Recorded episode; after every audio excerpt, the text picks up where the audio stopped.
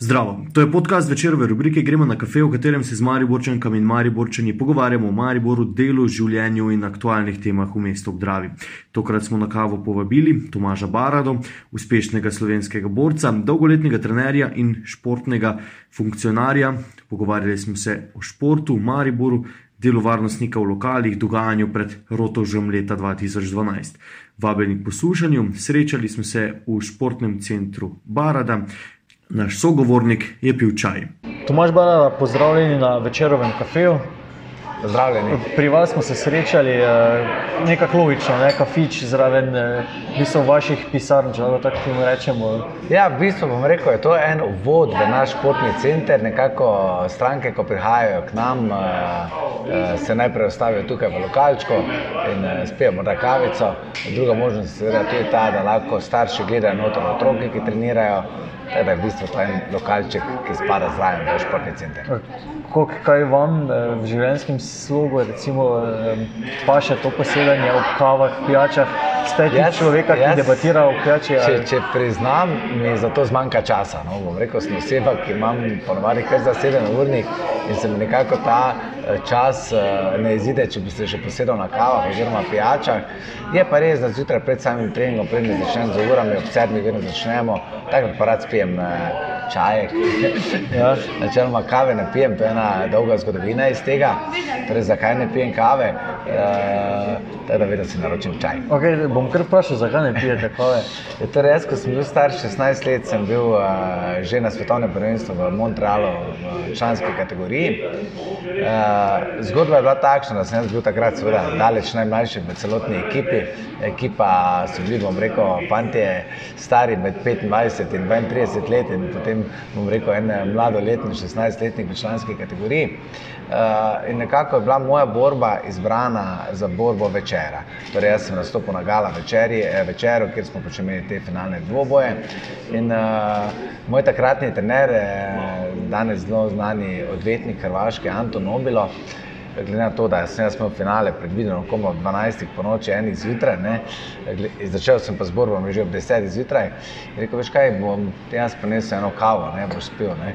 Za njemu je bilo to nekaj normalnega, glede to, da so ti vsi fanti pili kavo, jaz pa še nikoli do takrat nisem pil, ne, in ne bom pozabil, dobil sem kavo v jogotnem lončku, turško kavo, In zdaj pa je bilo to v tistem času tako, če bi mi on rekel, spi to, bi jaz spil, zdaj ne glede na to, kaj je bilo. In jaz sem to spil, moram povedati, da smo oči, mi se zdi kot tisti angora zajec. Ne, in, uh, odprte, prebojen smo bili celotno, ampak uh, ni mi bilo fajn. In to je bilo prvič in zadnjič, moja prva in zadnja kava v življenju.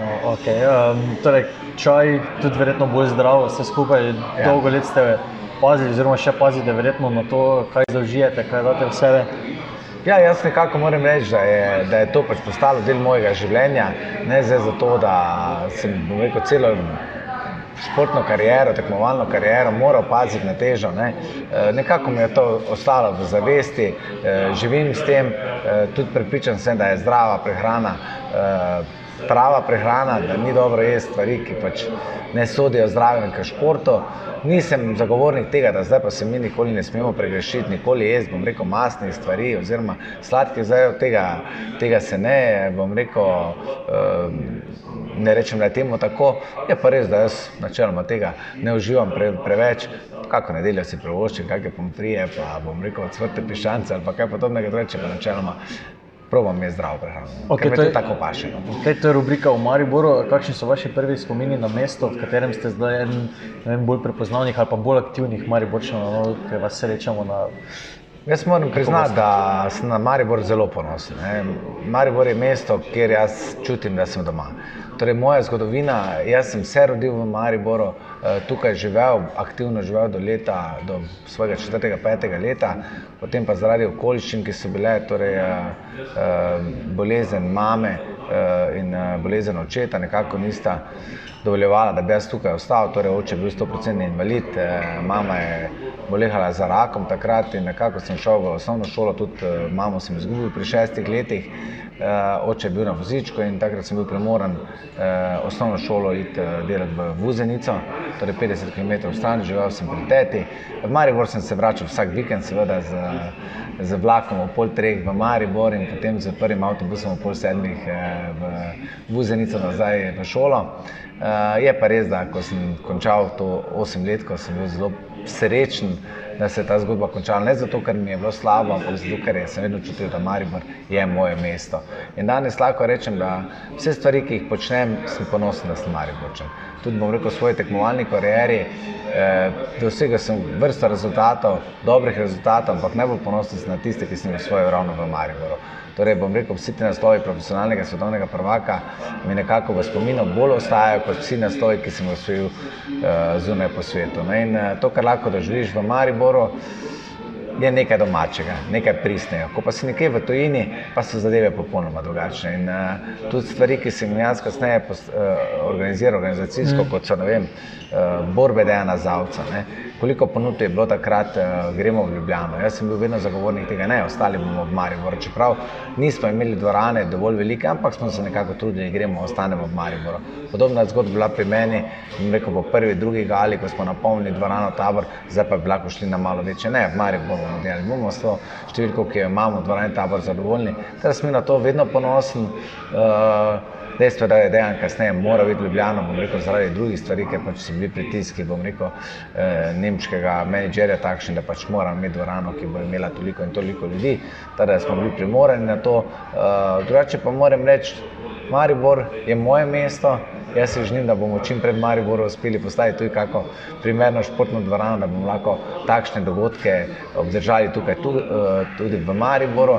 Žalosti me, da sem dobil organizacijo svetovnega pokala v Tekvandoju, kjer pričakujemo nekje okrog 2500 tekmovalcev, ampak bom rekel, pogoji, ki so bili za to dani, so bili takšni, da v Mariboru pač to ni mogoče izvesti, kajti bom rekel, igralna površina mora biti najmanj 1800 kvadratov, kar pa Maribor žal nima, zato smo zadevo morali preseliti v Koper.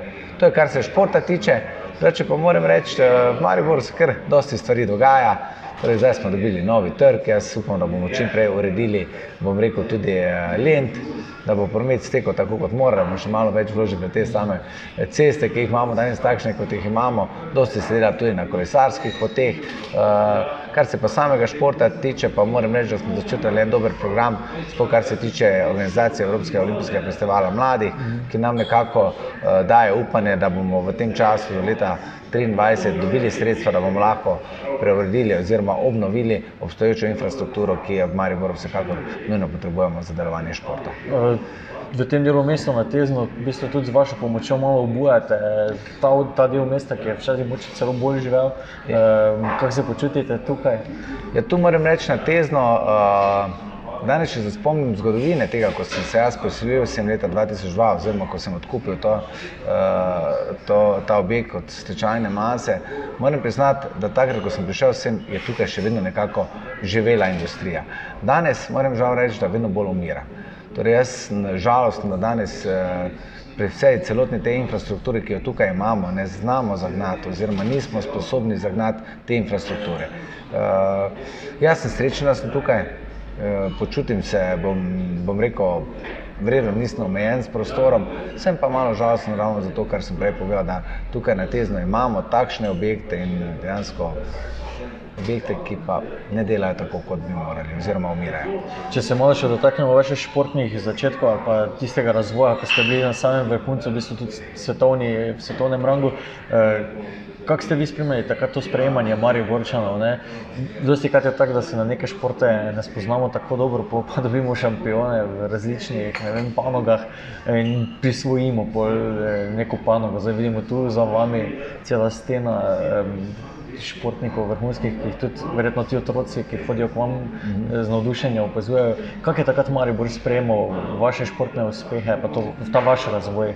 Jaz moram priznati, da dejstvo je, da sem bil nekako, bom rekel, otrok tega športa, sploh kar se tiče samih uspehov. Torej, Slovenija ni bila, bom rekel, na zemlji videti poznana kot uh, priznana država, sploh kar se tiče tekmodoja oziroma kickboxinga. In uh, z mojim rezultatom, rezultati smo vsekakor ta nivo bistveno dvignili. Danes imamo kopico teh mladih tekmovalcev, ki dosegajo podobne rezultate, osvajajo medalje na evropskih oziroma svetovnih prvenstvih, kar se tiče tega sprejema. Ne, to je pa, po mojem mnenju, tipično za slovence. Ne. Torej, ko smo uspešni, so z nami vsi. Ne, ne glede na to, katera športna disciplina je, torej, če je marketinško to dobro podprto, če je na drugi strani športnik, ki ga ljudje sprejmejo, je to vsekakor vrhunska zgodba.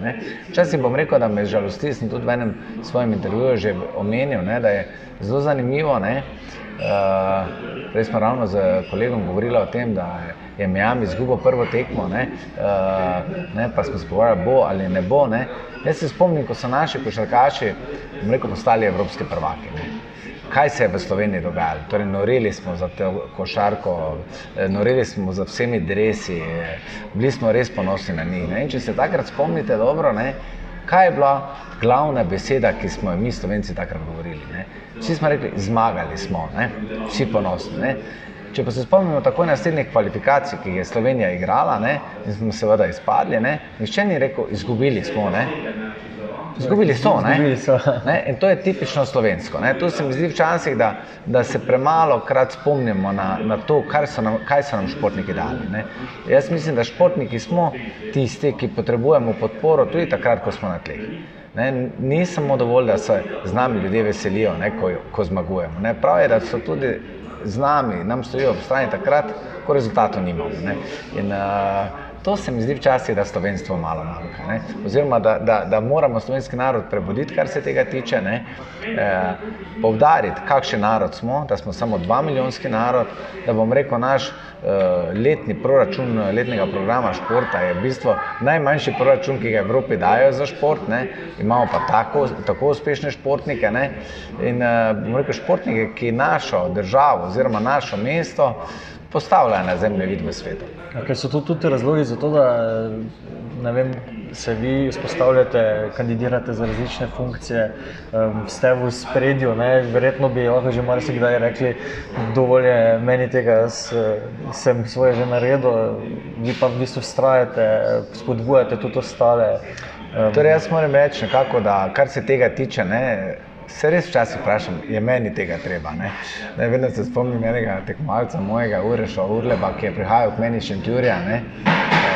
Bom rekel, prihajal iz kmečke družine. Ne? Potem je meni enkrat rekel, tega stavka nikoli ne bom pozabil. Sem prišel domov, pa je mamica rekla, Uroš, pa kaj je tebi tega treba. Tudi jaz se včasih tega stavka spomnim, kaj je meni tega treba. Ampak na koncu vedno rečem, da vsak izmed nas ima neko poslanstvo. Torej, meni je to mesto, kakorkoli obrnem, nekaj dalo. Ne? In jaz vem, da temu mestu moram vračati. Jaz bom rekel, meni je uspelo, bom rekel, iti skozi tunele, ki so bili res temni, pa se ni videla svetloba na koncu, pa sem prišel do konca. Ne? In danes potem se vprašaš, bojo vsi znali iti po tej poti. Jaz sem pripričan, da ne bodo. Ne? In eh, ko to spoznaš, je prav, da se nekdo žrtvuje za to in reče ne mi jih moramo spraviti na to pot. Mi moramo pokazati luč na koncu tunela. In, uh, prav se mi zdi, da sem v tem športu, da se trudim, da hočem pomagati športu, ne samemu sebi. Torej, jaz danes ne živim, bom rekel, od funkcije. Vse moje funkcije, ki jih danes upravljam, naj se bo to podpredsednik Olimpijskega komiteja ali pa predsednik Športne zveze Maribor, so neprofesionalne, neplačljive. Uh, to, uh, na to sem zelo ponosen in tako bo tudi, bom rekel, celoten moj mandat ostalo, uh, vse kar se tega tiče. Uh, tako da jaz si pa želim, da nekako bo se meni pridružilo še več takih, bom rekel, ljudi, ki bodo isto razmišljali kot jaz in eh, vedeli, da treba je nekaj vračati mesto, če tebi mesto nekaj da. Okay, um, zdaj vidimo ob vem, različnih uspehih, uspehih, da se dostikrat politiki fotografirajo z uspešnimi športniki. Ne? Vi imate nekaj izkušenj tudi s politiko. Uh, kaj gledate na to povezavo? Kje, kje postaviti mejo, kje, kje ločiti te stvari, kakšne so vaše izkušnje iz preteklosti. Ja. Torej, jaz moram še enkrat povdariti to, kar sem prej povedal. Ne? Spet, se mi vprašamo, kaj se zgodi z športniki, ki ne uspejo, oziroma so po vrhuncu v pacu, kaj se z njimi dogaja. Se takrat politiki spomnijo na njih. Ne, torej, če rečemo za enega, bom rekel, našega zelo znanega športnika, ne, uh, ne vem, pa naj bo to kateri koli šport, rečemo recimo Mariborski, ker imamo Maribor nogomet, pa rečemo nogomet. Recimo moj dober prijatelj Amir Karič. Igrali so na svetovnem prvenstvu, igrali so na evropskem prvenstvu, bil je, bom rekel, en stebrov prve ekipe, kje je Amerikar, kar je žalec? Kdo države se danes spomnijo njega? Ne? Ali pa rečemo, če gremo še malo bolj nazaj, Mateja Svet. Pa če vas kot novinarja vprašam, veste, kaj ona danes počne? Ne vem, če veste. Ne. Ne? Mateja Svet je ena ikona slovenskega smučanja, ki je šla iz smučanja zaradi določenih razlogov. Ampak o njej danes več ne govorimo. Ne? Bojan Križaj, fenomen. Ne? Kaj se z njim danes dogaja? Dobro, vsi smo napisali, ko je imel težave, to se je znalo napisati, ampak smo poskusili najti eno pravo smernico, pravo pot ga usmeriti na, na, na pravo pot nazaj, na zdravo pot. Ja, ne vem, če so to politiki naredili. Ne? Ne? Ali pa rečemo, katerega koli, ki je danes nosilec olimpijskih medalj. Ne? Pa če gremo zelo kratek čas nazaj, naša dekleta, ne vem, Katja Koren, ki danes Katja Koren dela. Kaj ima ona danes od te olimpijske medalje, ki je osvojila? Ne? To so stvari, za katere jaz še vedno mislim, da bi se sama politika in celotno, bom rekel, slovenstvo moralo tega zavedati, da imamo mi zelo malo športnikov, ki so osvojili eh, ne samo zlate, srebrne ali bronaste medalje. Ne? Kaj se bo z njimi dogajalo po njihovi športni karieri? Si oni zaslužijo kakšen dodatek, bom rekel, k njihovi plači ali penziji. Včasih je to težko razumljivo, ampak dejstvo, ki ga je treba izpostaviti, da so vsi ti športniki na vrhuncu svoje kariere, ne, recimo pri 35 letih, ne, potem pa začnejo iti počasi navzdol. In takrat nekdo reče, da ja, torej on je zadevo končal, dela pa še more nadaljnih 25 let, ne, ampak kaj bo delal?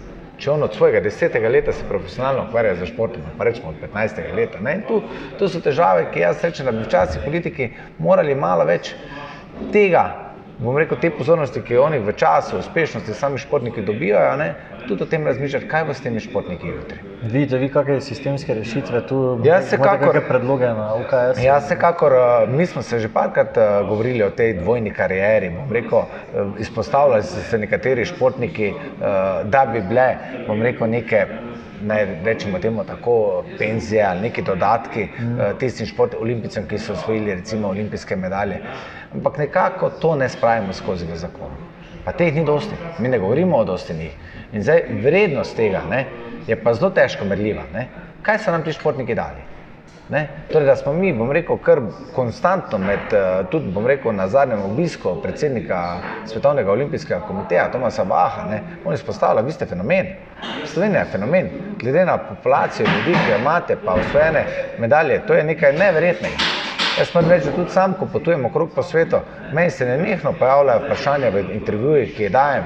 Vem, zadnjo, zadnji seminar, ki sem ga imel, nažalost, je bilo to meseca decembra, glede na situacijo, letos kakšna je bila, ne, v Turčiji, smo imeli en velik intervju. Vprašanje, Dončić, ja, super, mislim, kako je to možno? Kako lahko imate vi takega košarkaša, kako ste vi lahko evropski prvaki? Kako je to možno v eni taki državi? Mi pa bomo rekli, v 60 milijonski državi tega ne uspemo, oziroma 80 milijonov, koliko imajo tukaj. Mi smo fenomen. Še večji fenomen pa smo zato, glede na sredstva, koliko jih dajemo, dajemo v šport, kaj mi nazaj dobivamo. Teda moj predlog vsekakor je, da mi moramo čim prej zagotoviti eno, bom rekel, osnovni, bom rekel, osnovne prihodke s tem športnikom, ki so osvajali, bom rekel, takšne medalje, kot so, ne vem, olimpijske medalje.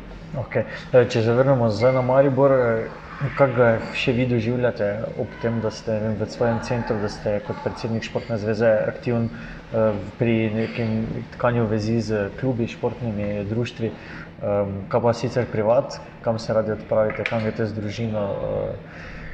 Ja, torej, Maribor, zdaj kaj ga doživlja, ne Maribor. Ne? Jaz moram reči, da Maribor, kaj me v Mariboru žalosti, ne? pa ne samo Maribor, mislim, da je to slovenska, slovenska nekako predanost temu, ne? da Slovenci nekako najbolj skrbimo za to, kaj ima sosed, ne, ne kaj imamo mi. Ne. In to, to zgodbo jaz nalezam v športu, v politiki, kjerkoli. Nekako se mi zdi, da smo vedno malo nevoštljivi. Ne.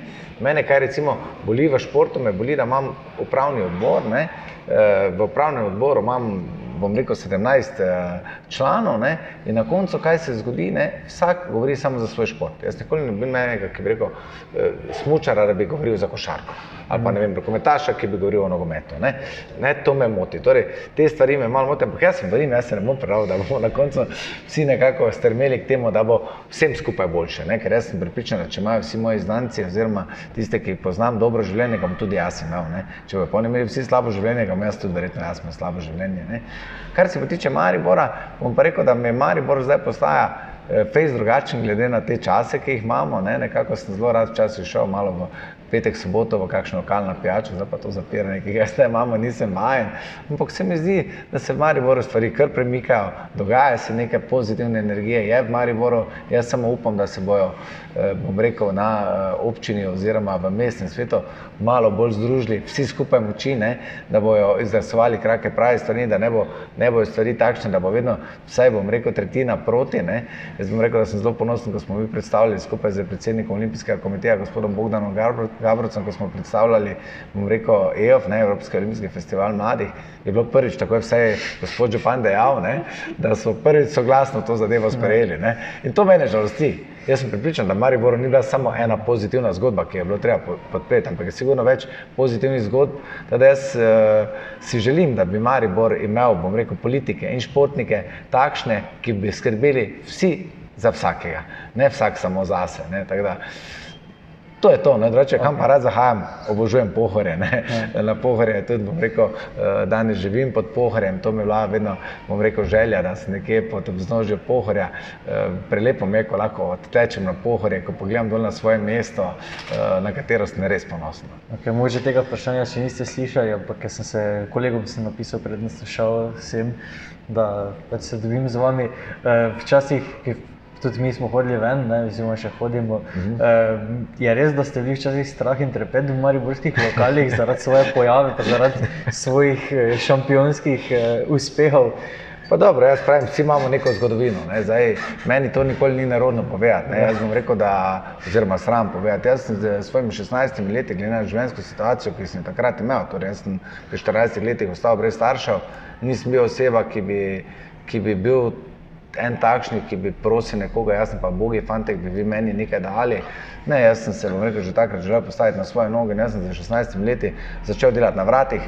Torej, bila zgodba, bom rekel, končana, sploh kar se tiče športne kariere z, v tekmondoju v času stare Jugoslavije, ne, takrat sem jaz nekako da se pa bo treba nekaj denar zaslužiti, ker moram priznati, da ko sem bil 16 let star, ko, bil, eh, ko smo imeli medalje svetovnega prvenstva v Montrealu, jaz sem takrat tisoč mark štipendije, ne, to je bilo za, ta, za tiste čase, bom rekel, nekaj izjemnega, ne, in potem tega več ni bilo, ne, prišel sem v samostojno državo, kjer smo začeli, rekel, z, z to borilno veščino. Ne? In takrat moram priznati, da sem se moral postaviti v situacijo, kjer je pač bilo treba zaslužiti denar. In za mene je bilo najlažje, bom rekel, čez vikend delati v eno diskoteko, ne? čeprav je bilo to bom rekel, nepojemljivo, da en 16-letni fant ne, dela zdaj na vratih v diskoteki. Ne, ne. Tada, ja, takrat sem začel tako delati, ne, sicer moram povedati, da sem ogromno časa, uh, delovnega, tega delovnega časa preživel ne v Mariboru, ampak uh, v Zrečah, Konicah, uh, v, pri v Bisterci, Leskovcu. No, kasneje pa sem prišel po Maribor, ko sem si pa že eno tako, bom rekel, ekipo stvaril, pa smo tudi Mariborske lokale varovali. Um, zdaj bil strah in trepet, ne, jaz zdaj ne morem reči, to verjetno drugi povedo, ne, je pa res, da nismo nikoli nekih težav, da bi me nekdo napadal. Ne, ne, Ja, verjetno se mu ne bi prej dopisal.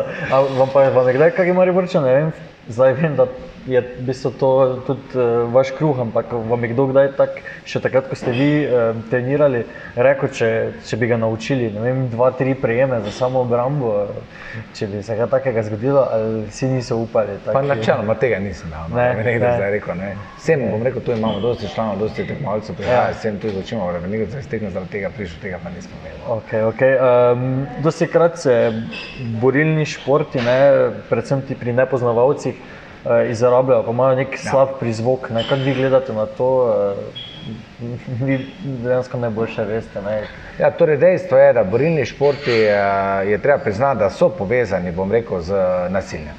Žal je temu tako, ker pač vsak to gleda tako. Jaz pa povem, tisti, ki prihajajo res iz pravih borilnih športov, govorimo, uh, borilni šport oziroma borilne veščine, ne, to ni eh, šport, ki ga mi uporabljamo. Torej, če, če imamo prave inštruktore, ne, kar se tiče eh, same vzgoje otrok, ne, potem do tega ne sme prihajati. Ne. Jaz danes, če pogledam danes svojo ekipo, ki jo imam, ne, eh, ne vem, če bi lahko v ekipi izpostavil enega, s tem pa imamo težave, ki se pritepa na ulici. Ne. So pa dejstvo, da prihajajo športniki, trenirajo borilne veščine zato, da se bodo jutri znali pretepati oziroma braniti, ne oni rečejo braniti. Ne, mm. To je pa dejstvo. Ampak govorimo vedno o športnikih, ki so na nižjem nivoju.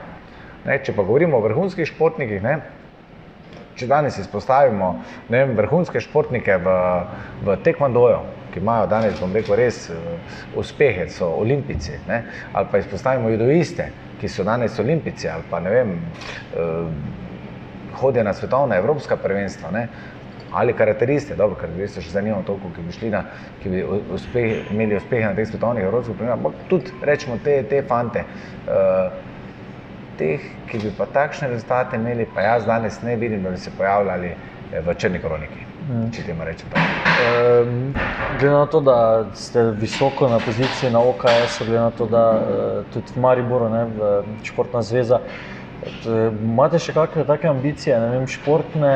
Um, politične, pogojene z, pač z tem, da bi vem, šport v, v slovenski neki te uh, višji. Torej, jaz nekako pač, bom rekel, če opišem svojo tega, kariero. Ja. Torej, začel sem kot športnik. Ja.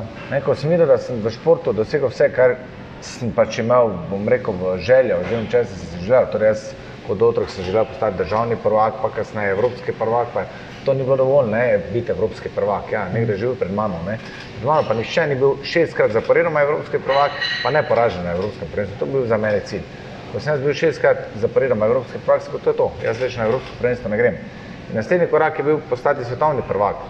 Sem postal prvič, to so že bili fanti in dekleta, ne, ampak trikrat zaporedoma pa niče ni bil. Ne. Ko sem jaz postal trikrat svetovni prvak, sem rekel, to je to, več nimam izziva. Ne. Podobna zgodba se je zgodila v kickboxingu, kjer sem na srečo ostal neporažen, osvojil šest naslovov Evropskega prvaka, pet profesionalnih, en, dva amaterska in tu sem rekel, zdaj pa je zadeve konec. Ampak kaj zdaj? Se ta knjiga zapre in je več ne odpiramo. Ne, ne. Moje, moje razmišljanje je bilo, zdaj pa je treba narediti pod mano nove tekmovalce, ne, da bo ta zgodba šla naprej. Ne. Postal sem trener, lahko danes rečem z rezultati, ki pač eh, so moji tekmovalci dosegli, oziroma z vsem to pozornostjo, ki me dajo v svetu kot uh, vodijo samih seminarjev, torej jaz letno vodim med 15 in 20 seminarjev po celem svetu eh, na leto, tudi vsekakor pol nekaj izkušnje, oziroma nekaj sem verjetno sem cenjen v teh državah. Ne. Uh, rekel, da jaz tudi učim po Kitajski, uh, celo Južno Ameriko, po vele silah tega športa. No, in ko sem jaz nekako si zastavil ta cilj, aha, naredili smo tekmovalce, pol pa sem rekel, zdaj imamo pa problem s tekmovalci, ne, mi nimamo denarja, nimamo organizacije. Ne. Naslednji korak je bilo postati predsednik uh, zveze. Ko sem to postal, ne, smo nekako tudi, bom rekel, uredili denar oziroma tisto obvezno uh, vsoto denarja, ki smo ga pač potrebovali za razvoj tega športa. Ne, Po pa seveda vidiš, da ima spet nove težave ne, na, na višjem nivoju. Govorimo na nivoju, bom rekel, države. In tu sem nekako mislil, moče pa bi bilo prav, da jaz poskusim priti na olimpijski komitej. In tja sem prišel, ko sem prišel na olimpijski komitej, sem videl, kaj se dogaja v Mariboru. Takrat sem dobil ogromno pošte na mizo ne, z nasmeškom, kaj Mariborčani pa ne znate kandidirati. Ne. Mislim, Maribor to je pač. Ne, in me je to zelo žalostilo. Ne. In takrat sem rekel, da se neko, zdaj pa je treba še en korak narediti nazaj. Bom prav kandidiral za predsednika Športne zveze Maribor in danes lahko s ponosom rečem, da bistveno več denarja se steka v Maribor, kar se samega športa tiče, uh, tudi strani države to, kar je v naših, naših močeh. Zdaj pa kam naprej? Ne vem, moče danes preuranjeno o tem govoriti, kam naprej. Zdaj više od tega je lahko že sam predsednik olimpijskega komiteja, uh, kar danes bom rekel, so morda moje sanje tudi lahko ali pa ne. Uh, bom rekel, da v tej fazi uh, želim nadaljevati.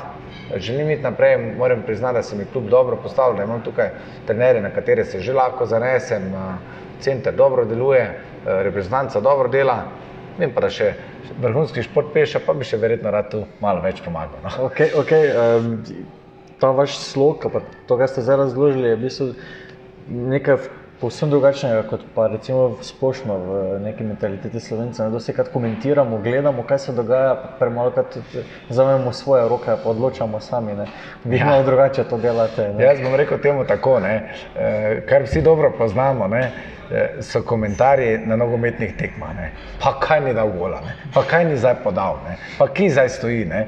Bom rekel, cel je stadion, to so vsi sami trenerji, ne? vsi najboljše znajo. Ne? Po pa se treba vprašati, ne? Ste vi kdaj to probali? Ste vi bili kdaj na tem mestu, ko je bilo potrebno dati gol, ko bi bilo potrebno žogo podati, ko je bilo potrebno še malo hitreje zagoniti, da bi prehiteli koga do cilja. Ne? Ste kdaj probali dodati kakšen centimeter, da bi dalje skočili, ne? tu pa se zgodba konča. Ne? Torej, znamo biti pametni, ampak jaz pravim, najlažje je iskati kritike, najtežje pa iskati rešitve. Jaz sem vsekakor oseba, ki želim rešitve, ki ne bom puške vrgel v koruzo, verjamem, da imam uh, dovolj sposobnosti, uh, da lahko pomagam, ne? pa tiste sposobnosti, ki nimam, pa bom zagotovo poiskal ljudi, ki mi bodo lahko pomagali. Okay. Uh, ena zgodba se še moram dotakniti iz preteklosti. Elektorske volitve v Mariboru na Rotovškem trgu. Dosti zgodb pa, pa smo že slišali, prebrali o tem, kakšna je vaša. Jaz bom rekel, da je od tega minilo kar nekaj časa. Uh, bom pa povedal, da če bi se danes to še enkrat zgodilo, bi naredil isto kot takrat. Ne bi spremenil nič. Ne? Torej, jaz sem oseba, ki, uh, uh, ki stojim za nekimi zadevami oziroma za nekimi ljudmi. Jaz bom rekel, takrat uh, sem bil v stranki Franca Kanglerja, podala smo si roke. Rekel, ne glede na vse kritike, ki jih on takrat dobil, jaz moram reči, da on bil do mene zelo korekten. Nimam nobene kritike zoper njega, sploh kar se tiče samega športa. Torej, kaj sem se z njim dogovoril, vse te stvari so bile urejene, pa nič, bom rekel, neformalnega ali pa e, nepravilnega. Ne. Torej, najna zgodba se je začela z Dejanom Zavcem, Jaz sem prišel k njemu na sestanek, želel sem pripeljati te nazaj v Maribor, vse, kar sem potreboval, sem potreboval dvorano tabor oziroma rekel, občinsko dvorano za nastop, pa da je ne plačamo oziroma da pokrijemo samo stroške in pa eh, plakatna mesta, ki jih je Maribor imel. Takrat to je, kar sem jaz pričakoval od mesta, da mi lahko da, v zameno pa sem jaz njim ponudil 70 sekund predstavitve mesta Maribor na, na mislim, da takrat bilo na Šport 1. Eh, na uh, nemškem programu RTL. RTL. Okay. Skratka, on je rekel, je to to, sem rekel, ja, rekel, zmenjeno, vrijo. Pa sem mislil še en župan, ki pač neka obljuba, vse je bilo tako. Je pa meni na koncu rekel, če jaz to uredim, ko bom jaz tebe rabo, boš ti meni tudi pomagal. In tako je nastala zgodba, da sem jaz prišel v ta mestni svet. Jaz sem pošteno povedal, ko sem prišel v mestni svet, spomnim se, kam sem prišel. Rekel, se oni vsi veselili, oj, zmagali smo, smo v mestnem svetu kakšen mestni svet, jaz nisem mestnega sveta nikoli spremljal. In potem, ko se je ta zgodba začela, ko smo se torej z Francom spoznala, bom rekel, vse, kar sem jaz o teh protestih vedel, pa če to zdaj mislite, da je laž, si mislite tako, ampak jaz sem sedel tukaj v mojem lokalu, bila je ura, med 7 in 8 uro sem jaz bil prost, torej ob 8 sem začel z novim terminom, tukaj sem sedel v televiziji, nismo imeli prežgane meni za zvoni telefon, me pokliče Franc Kangler. Uh, kje si? Neko, tu sem v centru da kaj boš prišel po mene, tu mi zunaj štrajka, ne morem iti ven. Kje si? Mi povej na rotovžo, sem rekel, pridem. Tako je bila ta zgodba. Jaz sem si dal, bom rekel, samo gor uh, jubco, pa sem šel tja. Zraven mene sta šla še dva fanta, ki sta tu sedela, ker pa sem mislil, da pač slučajno so tam neki, ne vem kdo, ne, niti nisem pričakoval, da je tam takšna masa ljudi, ne. Sem poklical takrat tega, ki je bil vodja, bom rekel, viol, uh, sem čutil, kaj uh, tam je na. So kakšne viole tam, ne vem, kdo tam štrajka, kdo se tam, uh, kdo tam stoji. Rekel, če preverim, pa ti javim. Ne? Na kar on mene pokliče, rekel, če viol ni, ne? Uh, viol ni, imajo uh, pa nekaj štrajk, sicer se pa mi ravno peljemo z treninga, ne? le pa pridemo mimo. In oni so z dvema avtomobiloma prišli, ne zato, da se jaz za njih klical, se gremo pretepati. Ne? To ni bilo nobene zgodbe, glede pretepa. Ne? In mi se srečamo pred stolno crkvo, ker še vedno nismo videli, koliko ljudi stoji na samem trgu. Ne? In ko smo se mi spustili proti trgu dol, ko sem videl to maso, pa kako so tam letele, bom rekel, te plastenke, pa, pa ne vem, jajce, pa vse skupaj, ne? je meni ravno prijatelj, ki je šel z mano tukaj in Miki Vukališč, dal kapuco, ki sem jaz imel na, bom rekel, na hudijo, ne, si se dal to kapuco gor, ampak tukaj, na trgu, je stalo 60% ljudi s kapucami. Pa ne zato, ker niso hteli biti zakriti, ampak zato, ker so metali vse, kar je bilo možno. In jaz sem imel kapuco gor, prišel sem do policije, sem me tam odrili, ne moreš iti naprej, sem rekel, ne, prišel sem po Franca, pa župana, ja ne moreš iti gor, sem rekel, klicam, reče, lahko prijem pa njega, ja ne moreš. Sem jaz vstopil v, bom rekel, tisti tunelček od spodaj, ne, mm. sem ga poklical, že Franci, jaz ne morem priti po tebi, me policija ne spusti gor. Je rekel, je že urejeno, me bojo spremstvo peljali. In to je bila cela zgodba. Drugo jutro se jaz peljem na Koroško, menjam gume, mene sestra kliče, Tomažek, pa kaj si naredil? Kaj si naredil? In mi pove to zgodbo. Treba še danes enkrat povem. Iz tega smo naredili super veliko zgodbo. Tomaž Barada, nasilnež, dobil 165 tisoč evrov, to je bila zgodba glavna. Ne? Ko sem spoklical urednika tega članka, ne? oziroma pisca tega članka, sem povedal, koliko je denar sem od koga dobil. Ja, mi smo to preverili. Torej, v desetih letih, oziroma v enajstih letih je Tomaž Baran dobil od mestne občine Maribor 165 tisoč evrov. Torej, če se to zračunamo, je to 16 tisoč evrov na, na letnem nivoju za eno, bom rekel, panogo, ki smo mi takrat imeli, kar je, kar je znatno malo. Ampak taka je bila zgodba. Jaz še enkrat povem, če bi me danes v novi vlogi poklical Bogdan Gabrovec, pa bi rekel, jaz imam problem. Jaz ga ne bi vprašal, kaj bomo naredili, kje si, kam prijem pa tebe pa naj bo problem z avtomobilom ali z ne vem, čemerkoli, jaz bi šel tja, taki sem in taki bom ostal. Okay, to je bilo vprašanje, je bilo, sem ga hotel navezati na to, da v bistvu eh, ste v teh letih tudi za ceno športa oziroma razvoja športa v mestu in Sloveniji v bistvu znali sodelovati z levimi, desnimi, različnimi župani. Eh. Jaz moram povedati, za mene je politika bila dobra izkušnja. Ne? Uh, jaz sem takrat tudi izpostavil stvar, ki sem jih povedal, takrat bom rekel županu, Francu Kangler, jaz grem v tvojo stranko, ampak ne politično, ne mene uvrščati, ne vem, na levo ali desno, ker to nis, me ne zanima. Ja. Mene zanima zgolj, bom rekel, ljudje, bom rekel, ne pa, ne pa politično usmerjanje. Torej, mene boli srce, ne, ko včasih leva stran reče tak, desna pa tak, pa eni in drugi vera, to prav, ali pa eni pa drugi vera, to narobe, ne. In vedno imajo različno mnenje. To me boli in tega si ne bom dovolil, bom rekel, niti mi ne narekuje moj način življenja. Tako da jaz bom ostal takšen, kot sem. Ne zanima me leva, desna stran, zanimajo me ljudje in bom rekel razvoj. Uh, Slovenija, oziroma Maribor. Okay, zdaj smo kar preskakovali teme, za konec, vedno na, na naših intervjujih, ki smo kar eh, z minutami že pri koncu. Eh, če se si želite v Mariboru, kakšne so vaše želje? Če se še želim Maribor, torej glavna, glavni projekt, ki si ga z Mariborom želim, oziroma glavne stvari, ki si Mariboru želim, da Maribor ne ostane nič vreden v naši državi. To je bil podcast večerove rubrike Gremo na kafe. Pogovarjali smo se s Tomažem Barado.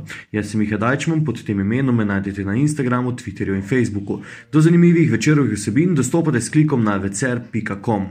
Vabljeni tudi k poslušanju ostalih večerovih podkastov. Srečno in zdravo!